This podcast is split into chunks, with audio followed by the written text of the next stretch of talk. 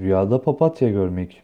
Rüyada papatya çiçeği görmek değişik şekillerde duruma göre ve çiçeğin rengine göre yorumlanmıştır. Rüyanızda bir kimseden papatya aldığınızı görmeniz, o kimseyle dostluk kuracağınızı işaret ile tabir olunur.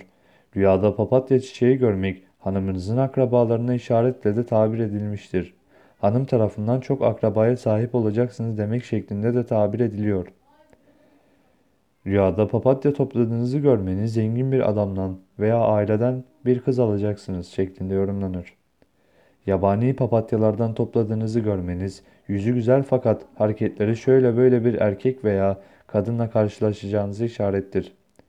Rüyada ortası sarı, güzel bir papatya görmek, güvenilir bir dost veya iyi bir kadınla karşılaşmak ile tabir edilir.